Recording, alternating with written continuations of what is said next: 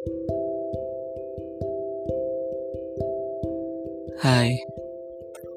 selamat datang di Gerai Mimpi. Udah lama ya nggak ketemu. Terakhir kali aku bikin podcast itu di tanggal 7 Maret 2021. Udah lebih dari sebulan ternyata. Gimana kabar kalian? Semoga nggak lagi ngerasain pilu ya. Karena asinnya air di lautan gak harus kamu rasain sepenuhnya. Pahit. kamu harus nyobain juga buah kelapa yang ada pada pohon di tepi pantai itu. Airnya manis. Tapi, kamu harus belajar memanjat pohonnya terlebih dahulu buat nikmatin buahnya. Hmm, memang begitu hidup. Ketika kamu masuk ke jurang kesedihan, kamu harus berusaha keluar dari jurang itu. Memanjat ke atas, di sana ada orang-orang yang tengah menunggumu sambil membawakan segelas coklat hangat untuk dirimu. Semuanya harus seimbang. Tidak terlalu dalam sedih, tidak juga terlalu nyaman dengan kebahagiaan. Hmm, oh iya. Kita belum kenalan sama sekali dari pertama bertemu.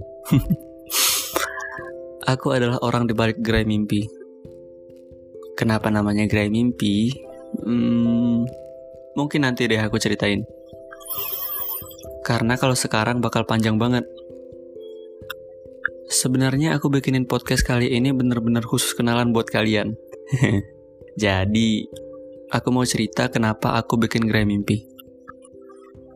Sebenarnya, Tofam ini cuma sebagai tempat buat aku nuangin apa yang aku rasa aja. Dan kebetulan, hari di mana gerai mimpi lahir, aku lagi ngerasain hal yang memilukan. Yang belum pernah aku rasain sebelumnya. Aku orangnya jarang banget curhat, even itu ke sahabat sendiri. Jadi, itu ngebuat aku mencari-cari cara gimana agar hati yang sesak kala itu bisa lega meski sementara. Dan pada akhirnya, aku nyoba nulis apa yang aku rasain. Tulisan pertamaku itu bener-bener jelek banget. Sampai-sampai aku malu buat bacanya. Tapi, tulisan pertama itu bener-bener apa yang aku rasain kala itu.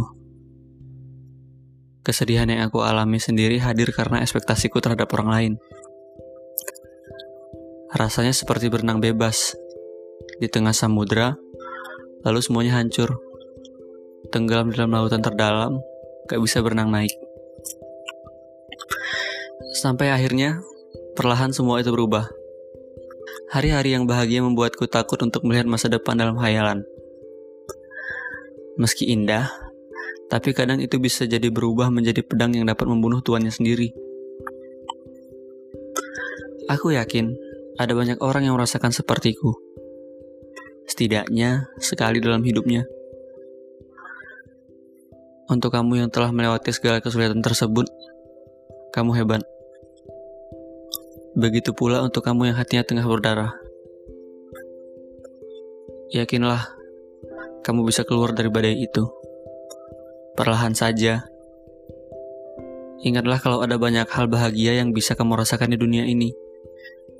Tidak hanya sebatas kisah dua insan kamu pasti bisa melewati kesulitan itu semua. Karena menurutku, semakin dewasa, ada banyak tanggung jawab yang kita jalani. Salah satunya dengan lahirnya gerai mimpi ini.